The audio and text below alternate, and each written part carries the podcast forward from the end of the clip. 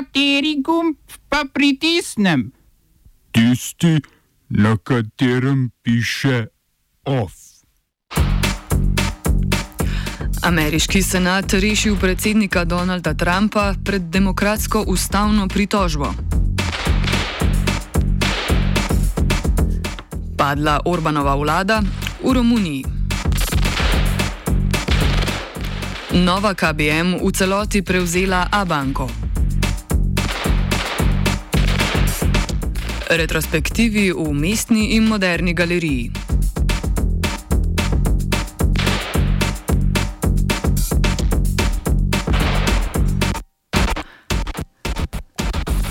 Ameriški senat je nepričakovano oprostil predsednika Donalda Trumpa, s čimer je postopek od poklica predsednika padel v vodo. Večinsko demokratski predstavniški dom kongresa je ustavno obtožbo potrdil 18. decembra lani, večinsko republikanski senat pa je z 52 glasovi proti in 48 za ovrgal obtožbo o zlorabi predsedniškega položaja. Senatorji so na to demantirali še obtožbo predsednikovem, o predsednikovem oviranju dela kongresa z razmerjem 53 za in 47 proti. Demokrati so postopek sprožili konec lanskega leta zaradi Trumpovega pogojevanja vojaške pomoči Ukrajini z začetkom preiskave o delovanju sina nekdanjega demokratskega podpredsednika Josefa Bidna v ukrajinskem energetskem podjetju Burisma.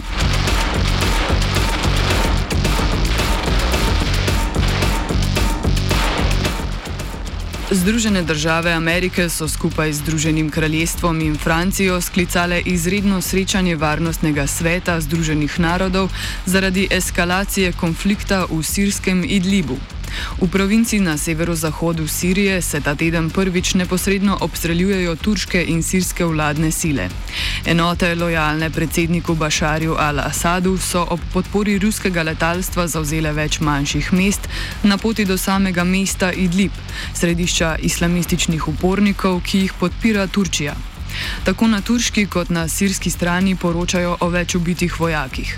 O smrti vojakov poročajo tudi Rusi, od katerih turški zunani minister Mevlut Čavšolu pričakuje nemuden zaključek napadov v regiji.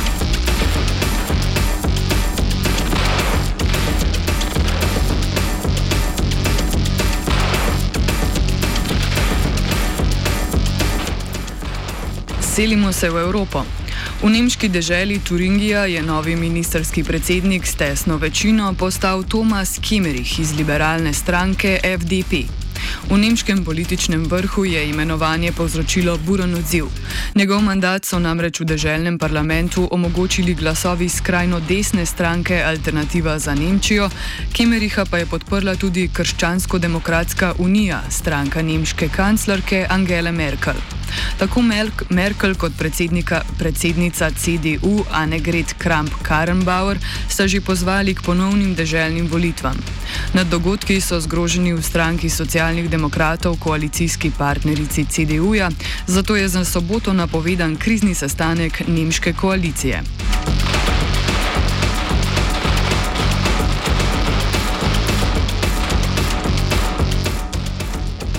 Slovaška vlada je izgnala enega izmed vietnamskih diplomatov v Bratislavi, ker naj bi ta sodeloval pri ugrabitvi vietnamskega gospodarstvenika Trina Šuana Tana v Berlinu leta 2017.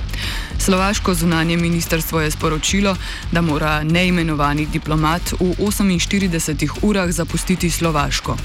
Nemško sodišče je namreč zaključilo obravnavo ugrabitve Tana, ki je v Nemčiji prosil za azil, saj je bil v Vietnamu obtožen za 150 milijonsko izgubo v državnem naftnem podjetju Petro Vietnam Construction.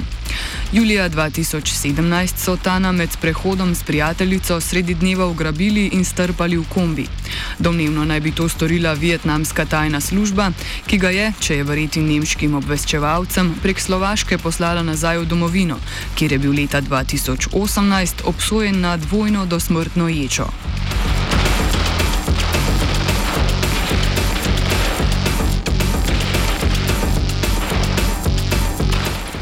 Romunski parlament je izglasoval nezaupnico manjšinski vladi premijeja Ludovika Orbana. Njegova nacionalna liberalna stranka se tako po samo treh mesecih poslavlja z oblasti. Na politični vrh se je sicer zavihtela po izglasovani nezaupnici socialdemokratski vladi. Opozicijski poslanci s preteklo vladajočo garnituro socialdemokratov na čelu so nezaupnico vložili po poskusu spremembe volilne zakonodaje za letošnje lokalne volitve. Po mnenju socialdemokratov in poslancev stranke manjčarske manjšine bi dvokrožni volilni sistem za lokalne volitve, ki ga je želela uveljaviti Orbanova manjšinska vlada, pomembno nižal število potencijalnih županov iz kvote opozicijskih strank. Za nezaupnico je sicer glasovalo 261 od 465 članov parlamenta. Predsednik države Klaus Johannis mora tako imenovati novega mandatarja. Če v 60 dneh parlament ne bo uspel potrditi nove vlade, bo Johannis parlament razpustil in razpisal predčasne volitve, ki bi bile prve v romunski politični zgodovini. Oba, če, če bom odgovoril na angliški. Uh, uh, Slovenija bo poskušala pomagati. Slovenija bo naredila naš utmost, da bo rekla, da je situacija naš problem, naš. In mi bomo naredili nadaljnje korake, as soon as the conditions are. Bomo vlado Marjana Cererera Šarca podprli. Very, very serious. News from Slovenia. We know how and we will. Vladna komisija za reševanje vprašanj prikritih grobišč je v svoj program za letošnje leto uvrstila ureditev vojaškega pokopališča na Orlovem vrhu, blizu Ljubljanskega gradu. Tam so med italijansko okupacijo Ljubljane uredili pokopališče za slovenske domobrance. Komisija je pokopališče označila za novo odkrito, saj je po besedah vodje komisije Jožeta Dežmana veljal mit, da so posmrtne ostanke z grobišča že odstranili.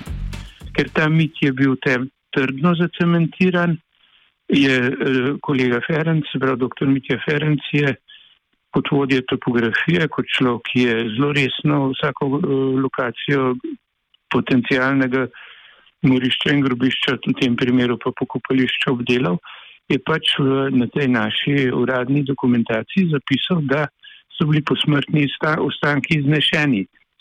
Ta mit podpira cel kup zadev. Naprimer, mi imamo eno pesemco, da so te posmrtne ostanke odpeljali v tovarno kleja. Ne? Potem je ena varijanta, da so jih odpeljali na urha. Pa, skratka, tega mitološkega tkiva, ki se je, ali pa urbanih legend, no, ki so se nabrali okrog Orla vrha, je bilo te ukupane, ampak glede na dikcijo v odloku, eh, da je pa potrebno lokacijo raziskati, pa domnevam, da, da so ti ljudje v ozadju, se pravi, predvsem ta ena politična policija, pa, pa pač jaz verjamem, da oži interesni krok partijski okrog mestne občine so povedali, da nekaj ni v redu. Župan Zoran Jankovič se z ureditvijo pokopališča seveda ne strinja in pravi, da bo zemljišče na Orlovem vrhu dolgoročno ostalo takšno, kot je. Več o vojnem pokopališču v Offsideu ob 17. uri.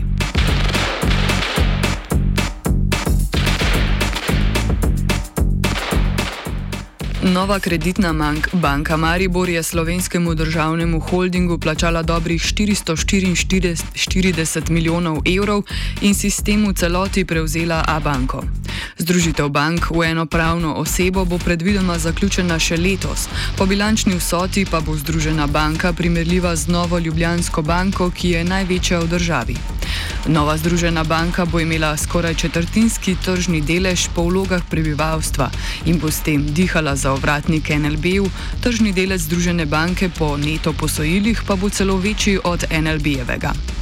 Združena banka bo tako imela okrog 800 tisoč strank, več kot 110 poslovalnic, 500 bankomatov in dobrih 2100 zaposlenih. Pogodba o prodaji banke Novi KBM je v lasti ameriškega sklada Apollo. Je bila sicer podpisana junija lani. Takratna knjigovodska vrednost ta banke je znašala dobrih 600 milijonov evrov.